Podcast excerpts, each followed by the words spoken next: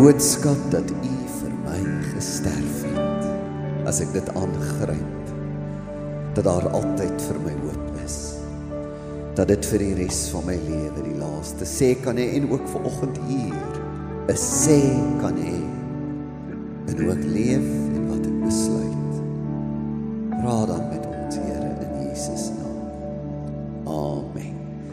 Eerskomende Woensdag begin wat in die kerk bes, uh, bekend staan as die lydenstyd en tydens lydenstyd dis op pad na die lyding van Christus toe oor Paasnaweek, nê? Was daar die gebruik in die vroeë kerk dat mense ook aangemoedig word om 'n soort van 'n vas te hê. Ons het nie tyd om die agtergrond daarvan te skets nie, maar in kort was die nuwe bekeerlinge in die heel eerste kerk blootgestel aan vervolging. Hulle moes weet ek kan dalk doodgaan en voor elke Paasnaweek het die kerkleiers dan gesê vas vir 'n paar dae dat jy die erns van hierdie besluit kan besef en sê ek gee my alles ongeag of hulle my gaan doodmaak as ek my laat doop uh, oor Paasnaweek. Met tyd het die kerk vervlakking ondergaan.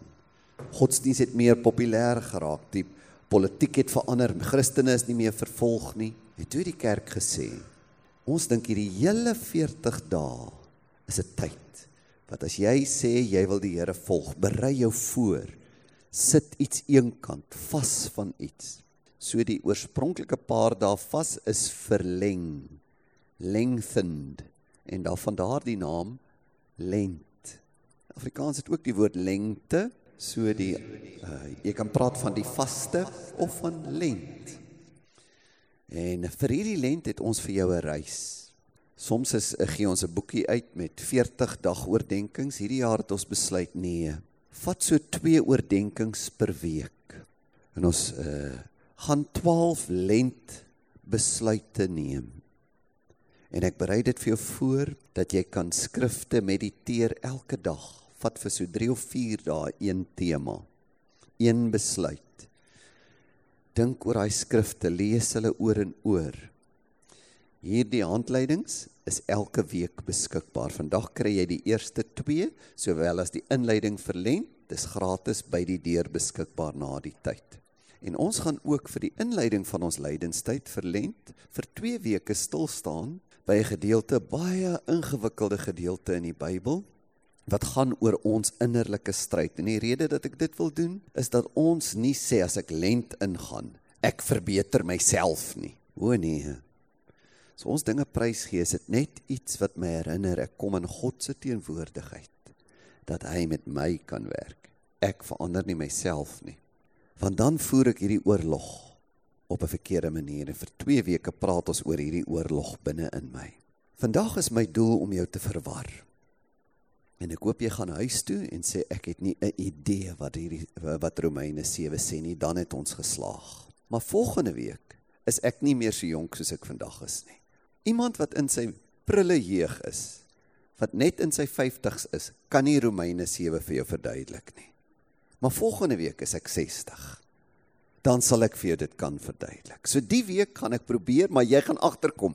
Jy het nie 'n idee wat daai hoofstuk hoofstuk sê as jy huis toe gaan nie, want ek is te jonk om dit te doen. Ek verjaar volgende Saterdag en uh, dan gaan ek die skrikwekkende fase van my 60er jare betree. Ons nooi jou om Vrydag aand as jy wil uh, hier saam met ons 'n uh, 'n konsert en 'n kuier geleentheid by te woon. Een van die liedjies wat ek is 'n uh, Vrydag aand wil sing is juis die perfekte metafoor vir die stryd wat ons het. Hoe gaan ek regtig vorder in my lewe met die Here? Die stryd in die liefde is 'n baie goeie metafoor vir daai selfde stryd. Hoe vorder ek in die liefde met my lewensmaat? En 'n aangrypende lied wat oor daardie stryd vertel, is natuurlik 'n lied van my van hom wat ek in die musikale wêreld die meeste bewonder, Leonard Cohen. Maar nou, vandag se doel is om jou totaal verward uit die kerk te stuur.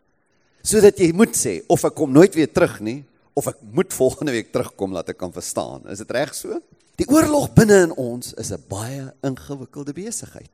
Paulus praat oor hierdie in oorlog. Hy sê jy kan hom op twee maniere voer. Vandag gaan ons meestal net dink aan die verkeerde manier. Een van die moeilikste hoofstukke om te verstaan in die Bybel is Romeine 7.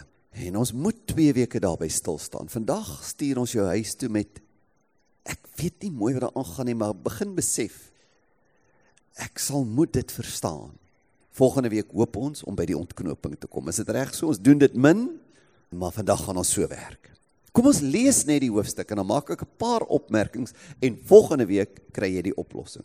Of weet julle nie broeders, Want ek spreek met mense wat die wet ken, dat die wet oor die mens heers solank as hy lewe nie. Nou gebruik hy 'n metafoor.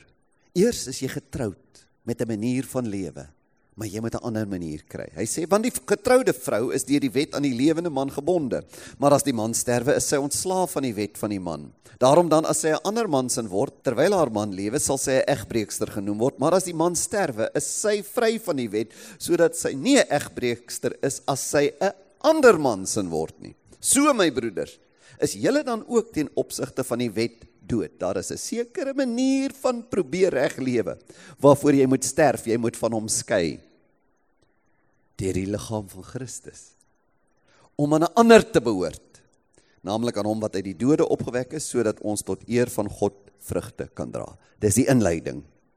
Wat sê jy met 'n sekere soort lewe los en 'n ander soort lewe aanvaar. Nou beskryf hy kortliks in een sin die ou lewe. Want toe ons in die vlees was, toe ons ons eie ding probeer doen het, het die sondige hartstogte wat deur die wet kom in ons lede gewerk om vir die dood vrugte te dra. Daar's 'n sekere soort lewe hoe jy jouself wil verbeter wat jou vernietig. Dan som hy die ander soort lewe op in vers 6. Maar nou En as jy vers 6 verstaan, verstaan jy die Christelike geloof. Maar vandag gaan jy hom nie verstaan nie, onthou. Vandag wil ek hê jy moet huis toe gaan sonder om iets te verstaan. Maar nou is ons ontslaaf van die wet. Wat bedoel hy daarmee? Geld geen wet vir my meer nie. Ons is ontslaaf van die wet waardeur ons gebind was, gebonde was. Aangesien ons dit afgesterf het, sodat ons dien in die nuwigheid van die gees en nie in die oudheid van die letter nie. In die twee verse, vers 5 en 6, het hy nou die verkeerde manier en die regte manier opgesom. Nou gaan ons terug na die opsomming van die verkeerde manier toe en dit is vers 7 tot 13. Nou sê, wat sal ons dan sê? Is die wet sonde? Nee, stellig nie. Inteendeel, ek sou die sonde nie anders as deur die wet geken het nie. Want ek sou ook die begeerlikheid nie geken het nie as die wet nie gesê het jy mag nie begeer nie. Nou as jy wil verstaan wat jy nie vandag kan nie, sal jy moet sien hy praat hier van twee goed. Hy praat van die wet Meeste kommentare sê hy praat nie van die hele Ou Testament nie, hy praat van die 10 gebooie. Maar hy praat nie net van die wet nie, hy praat ook van gebod. En dan sê hy watter gebod? Die gebod jy mag nie begeer nie. Is jy met my? Jy hoef nie te wees nie, want onthou jy moet die mekaar raak. Maar hy sê ek het die sonde deur die wet geken, maar die een gebod jy mag nie begeer nie. Dit het iets in my gedoen. Maar die sonde het aanleiding gevind deur die gebod. Watter gebod? Jy mag nie begeer nie. En in my allerhande begeerlikheid gewerk. Want sonder die wet is die sonde dood. En sonder die wet het ek vroeër gelewe, maar toe die gebod kom, met ander woorde sonder die wet. Ek gaan net nou dit probeer verduidelik, maar Paulus was nooit sonder die wet nie. Hy's gebore as 'n Jood. Die slim mense sê hy bedoel sonder dat ek die wet verstaan het waaroor dit regtig gaan. So het ek geleef. Maar toe ek die gebod snap, watter gebod? Jy mag nie begeer nie. Toe die gebod by my tot my deurdring, het die sonde opgelewe en het ek gesterwe. Het ek besef hoe sondig ek is en hoe dood ek is. En die gebod wat die lewe moes wees, die het vir my gebleik die dood te wees. Toe ek besef die groot ding ek begeer verkeerd, het ek besef Ek het gedink ek lewe, maar ek is eintlik dood. Dit wys my hoe dood ek is. Want die sonde het aanleiding gevind deur die gebod en my verlei en daardeur gedood. Hoe ek verkeerd begeer het. Dis is die wet heilig en die gebod is heilig en regverdig en goed. Het die goeie dan vir my die dood geword? Nee, stellig nie, maar wel die sonde dat dit kon blyk sonde te wees omdat dit deur die goeie vir my die dood bewerk sodat die sonde deur die gebod uitermate sondig word. Glashelder duidelik, hè? Die eenvoudigste versies in die Bybel. Dis hoe hy sy stryd voorheen beskryf het. Hy het 'n wet probeer hou. Toe ontdek hy 'n deel van die wet en hy sien maar ek het nog nooit hierdie wet regtig verstaan nie. Toe ek sien ek begeer verkeerd. Toe sien ek o, my manier om die wet te hou het my eintlik doodgemaak. As ek nou daai vers, as ek daai hoofstuk sou skryf, sou ek dit so skryf, maar Paulus, hy's baie baie baie slimmer as ons almal saam. Nou gaan hy na sy nuwe stryd. Dis die ou stryd. Ek het 'n wet probeer hou. Toe kom ek in daai wet agter. Ek het die wet nooit verstaan nie. Ek het altyd verkeerd begeer. Toe besef ek hoe dood ek is. Hierdie goeie ding wat ek probeer doen het, was eintlik sleg hoe ek geleef het. Nou gaan hy nou te Jesus aangeneem. Hy het nou geskei van daai soort lewe en hy het nou getrou met 'n nuwe lewe. Want ons weet dat die wet geestelik is. Kan jy sien nou praat hy in die in die teenwoordige tyd. Maar ek is vleeslik. Ek is nog steeds in my liggaam en ek het nog steeds sonde. Verkoop onder die sonde. Ek kan nie myself verbeter nie. Ook as gelowige. Hy praat nou in die in die teenwoordige tyd. En as ek doen wat ek nie wil nie, dan stem ek die wet toe dat dit goed is. Ek kom agter. Ek kan nie uit my eie krag die regte goed doen nie, maar ek sien die wet sê ek moet die regte goed doen. Ek stem saam, dit is die regte goed, maar kan dit nie doen uit myself nie. Maar nou is dit nie meer ek wat dit doen nie. Maar die sonde wat in my woon. 'n Ongelooflike belangrike stelling waaroor ons volgende week gaan praat. Want ek weet dat in my, dit wil sê in my vlees, niks goeds woon nie, want om te wil is by my aanwesig, maar om goed te doen, dit vind ek nie. Want die goeie wat ek wil, dit doen ek nie, maar die kwaad wat ek nie wil nie, dit doen ek. Sê as ek in my eie krag nou in hierdie nuwe bedeling, jy kan dit nie reg doen nie. Maar as ek doen wat ek nie wil nie, dan doen ek dit nie meer nie, maar die sonde wat in my woon, dit het ons sê want ek verlustig my in die wet van God na die innerlike mens iets het binne in my begin gebeur. Maar ek sien 'n ander wet in my lede wat stryd voer teen die wet van my gemoed en my gevange neem onder die wet van die sonde wat in my lede is. Ek elendige mens. Onthou hy praat van 'n stryd hier en hy praat in die teenwoordige tyd. Hy sê ek is 'n elendige mens. Ek sal nooit die sonde waarheen ek neig kan oplos nie. Wie sal my verlos van die liggaam van hierdie dood? Ek dank God net deur Jesus Christus. Nie meer my ou manier nie. Nou is dit Jesus wat my help. So dien ek dan wel met die gemoed die wet van God, maar as ek verkeerd doen, doen ek dit met die vlees, dan doen ek uh, dien ek die wet van die sonde. So duidelik. Hæ? Huh? Nou ja, laat ek jou verwar. Ek het 'n boek gelees uh, wat jy miskien al van gehoor het, 'n klassieke boek, Dr Jekyll and Mr Hyde. Robert Louis Stevenson het dit geskryf, 'n klassieke baie baie bekende werk. Nou in die verhaal is Dr Jekyll 'n goeie man. Hy's 'n mediese navorser en dan raak hy ongelukkig met wat hy sien in sy lewe. Kyk wat sê hy. With every day I thus drew steadily nearer to that truth that man is not truly one but truly two. I learned to recognize the thorough and primitive duality of man. I saw that of the two natures that contended in the field of my consciousness, even if I could rightly be said to be either, it was only because I was radically both. Ek is goed en ek is sleg. Ek sien twee mense binne in my. En dan raak hierdie Dr Jekyll uitgeput. Gedaan met die geveg tussen die donker en die goeie in homself. Dis nou die storie. Jy kan hom gaan lees. En dan hy noem homself 'n groot woord, 'n incongruous compound.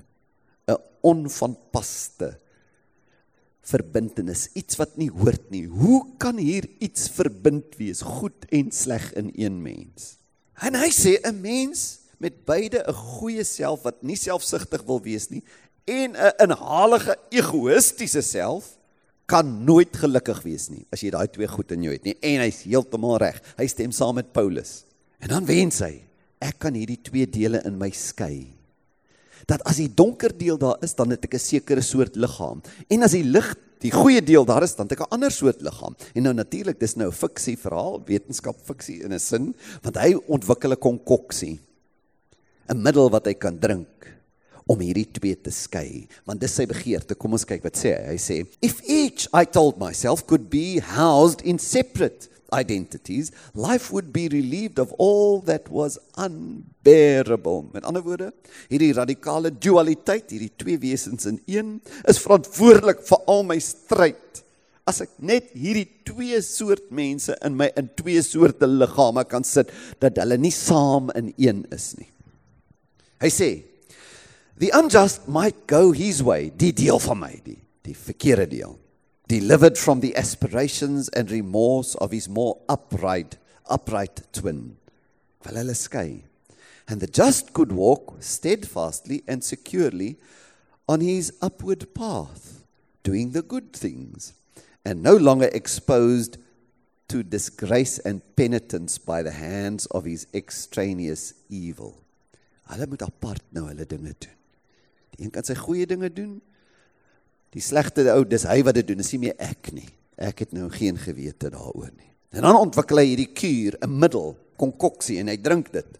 En as hy dit drink, uh, dan word die goeie en die sleg in hom geskei.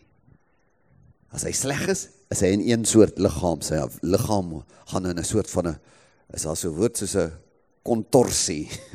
hy lyk anders. As hy goed is, lyk hy weer na sy gewone mens. En die slegte kant van hom word nou Mr Hyde. En die goeie kant is 'n Dr Jekyll. Maar aan kom hy iets agter in die storie. Wonderlike metafoor van wat ons moet agterkom. Hy kom agter as Dr Jekyll dat hierdie Mr Hyde is baie boser as wat hy ooit kon dink. Hy sien hierdie donkerte. Hy sien dit is verskriklik.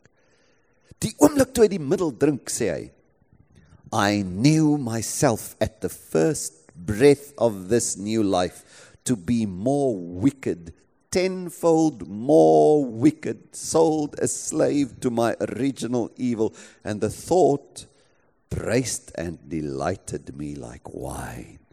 Sê ek was nogal beïndruk met hoe sleg hierdie deel kan wees, maar die ander deel is mos goed.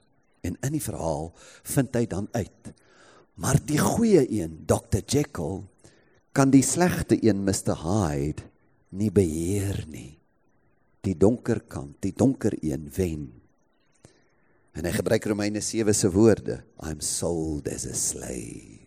Die verhaal beskryf 'n groot deel van hoe die Bybel oor 'n mens se innerlike geveg praat. Maar dit beskryf net die probleemkant. Dit beskryf net daai eerste deel waarvan Paulus praat. Romeine 7 wat ons gelees het, beskryf twee gevegte. Die geveg tussen twee selwe maar op twee verskillende maniere. Vers 7 tot 13 voordat jy met Christus die geveg aandurf. Vers 14 tot 15 nadat jy dit met Christus aandurf. Die eerste geveg is 'n geveg wat jy nooit kan wen nie. En dis eintlik wat Stevenson se verhaal beskryf. Die tweede geveg is 'n geveg wat jy nooit kan verloor nie. Paulus sê as jy 'n gelowige word, beweeg jy vanaf een soort geveg nie na vrede toe nie. Nee nee nee nee nee. Net na 'n ander soort geveg toe. Maar dit bly 'n geveg, so 'n verskriklike geveg dat hy sê ek is elendig in hierdie geveg. Is 'n verskriklike geveg maar 'n ander geveg. Jy gaan hom nie verloor nie. En daaroor moet ons dink in hierdie 2 weke. Ek sê voor die uh, diens vir uh, van ons musikante, eintlik moes ons vandag niks gesing het nie en volgende week ook nie. Het ons net vir 2 ure hierdie ding uitpleis dat jy Romeine 7 kan verstaan. Maar nou in die laaste paar minute wil ek jou net heeltemal verward laat dat jy volgende week terugkom. Hoe lyk hierdie geveg wat jy nie kan wen nie? Paulus, as jy mooi kyk wat sê hy van homself.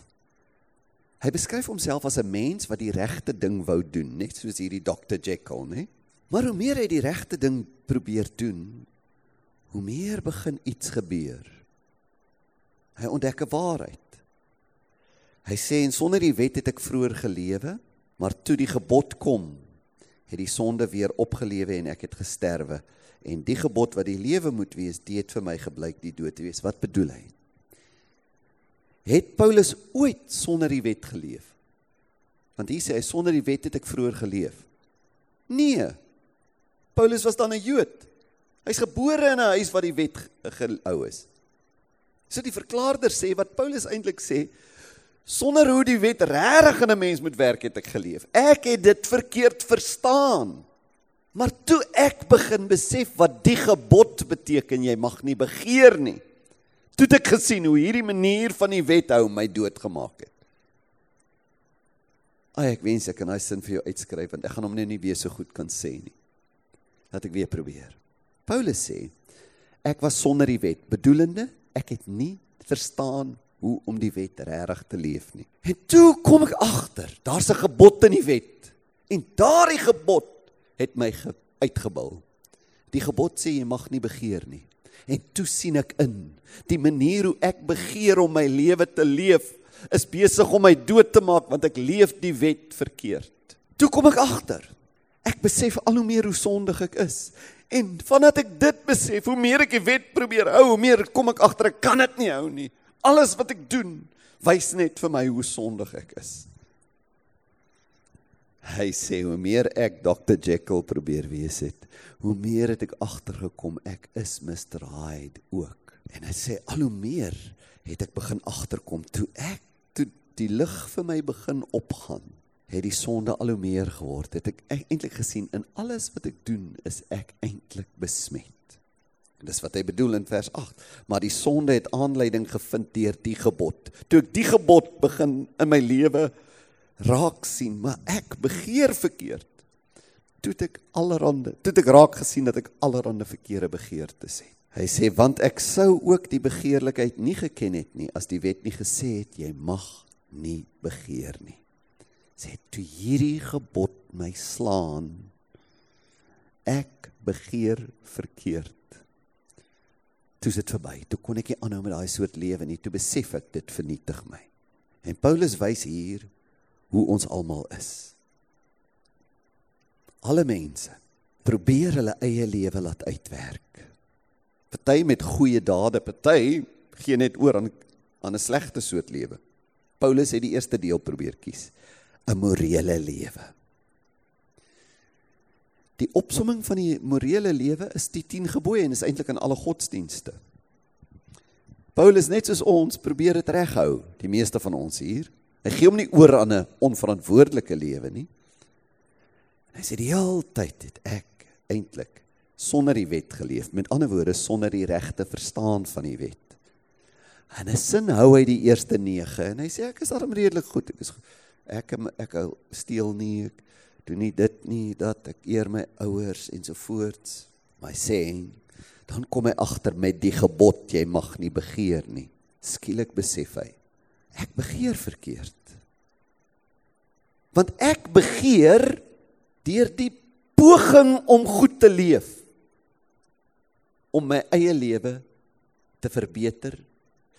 En in daardie begeerte draai ek eintlik weg van God af Ek begeer 'n goeie lewe meer as God self. Ek begeer om my eie lewe goed te hou en ek dink ek kan dit doen. Hy sê toe ek daai gebod sê jy mag nie verkeerd begeer nie. Toe besef ek hierdie manier hoe ek reg probeer leef vat my eintlik van verder van God af. Want dis nie hoe hy wil hê ek myself moet verbeter nie. Paulus verstaan as 'n mens in enige iets geluk soek in sukses in besittings in romanse selfs soos Paulus self. Jy soek jou geluk om in 'n goeie daarin om 'n goeie mens te probeer wees. Selfs in godsdiens bring dit nie lewe nie maar die dood. Want jy begeer om jou lewe te laat uitwerk. Jy die verkeerde begeerte. Die kern van jou dryf is verkeerd, jou begeerte. Paulus sê ek het agtergekom my begeerte om die wet te hou was 'n begeerte na godsdienstige selfverbetering. Ek het daarop gereken in hoe reg ek leef om my te red en my gelukkig te maak. Ek het nie op God self gereken nie. Ek was nie soos die grouwe sondaars nie. Maar ek was blind vir hoe wetties verlore ek is. Blind dat ek nie God regtig lief gekry het nie, maar myself net al hoe meer verbeter het en in die proses al hoe meer blind geraak het vir hoe liefdeloos ek is. Soveel so dat Paulus eindig as 'n moordenaar. Een wat homself wil verbeter. Dr. Jekyll word Mr. Hyde. Paulus sê, later sê dit en hy bedoel dit, ek was die grootste van alle sondaars, ek het by moord geëindig. Ek wat myself probeer verbeter het, het in die heel laagste plek gekom. Ek het 'n moordenaar geword. En nou is die vraag, as jy nou skei van daai soort lewe om jouself te verbeter, hoe gaan jy 'n nuwe geveg begin veg? En vir vandag se diens, onthou ek het gesê ek wil jou in die lig hou want ek wil nie vir jou die antwoord vandag gee nie. Dit was in die gedeelte. Maar ek wil jou los met 'n paar vrae. En die vrae is waaroor jy moet dink vir jou eie lewe. Ek wil jou vra of jy besig is met hierdie program waarvan waarmee Paulus besig is. Kyk na daardie eerste vraag. Is jou godsdiens 'n poging om te wys jy is darm redelik goed. Jy word gedryf deur 'n begeerte om nie die verkeerde goed te doen nie. En te wys jy doen die regte goed. Maak jy jou kinders so groot. Wees soet om aanvaarbaar te wees. Kom, liewe Jesus hou nie van sulke kindertjies nie. Dis moralisties. Ek het vir ons kinderkerk hoof gesê, ons het nie moralistiese lesse in hierdie gemeente nie. Ons sê nie vir die kindertjies kom nou wees soet soos Jesus se kindertjies nie, want anders is, jy weet, die duiwel gaan jou kry nie. Ons is besig met die evangelie. Nie met moralisme nie. Verbeter jouself, kom reg nie. Verskoon jy jou donkerte met idees soos ons is almal maar mense. Nou gee jy oor aan die Dr. Hyde, ag aan die Mr. Hyde kant. Of is die evangelie die kern van jou godsdiens. Ek kan nie hierdie soort lewe leef nie. Ek gaan myself nooit kan red of verbeter nie. Al probeer ek. Daai poging moet my bring waar Paulus gekom het. Ek kan nie. Dit sê nie jy moenie probeer nie. Maar hoe meer jy probeer, hoe meer moet jy eers agterkom. Ek het die evangelie nodig want ek kan nie. Dis die geveg wat ons veg en ons veg om verkeerd totdat ons by Jesus kom. En volgende week wil ons hierdie ding ontknoop. Ons gaan weer Romeine 7 vat. Jy kan hom in die week weer lees en sê Here, hoe gaan ek skei van my ou huwelik met die wet? Hoe gaan ek nou vir U leef? Is ek nou net vry van 'n wet? sê ek die wet is nou sleg, dit is nie meer van toepassing nie? Of is daar 'n nuwe manier om met die wet te kan leef? En volgende week praat ek daaroor en ek ek hoop om jou volgende week hier te sien. Want as 'n jong ou kon ek nie hierdie week daaroor praat nie. Dit is heeltemal te ingewikkeld.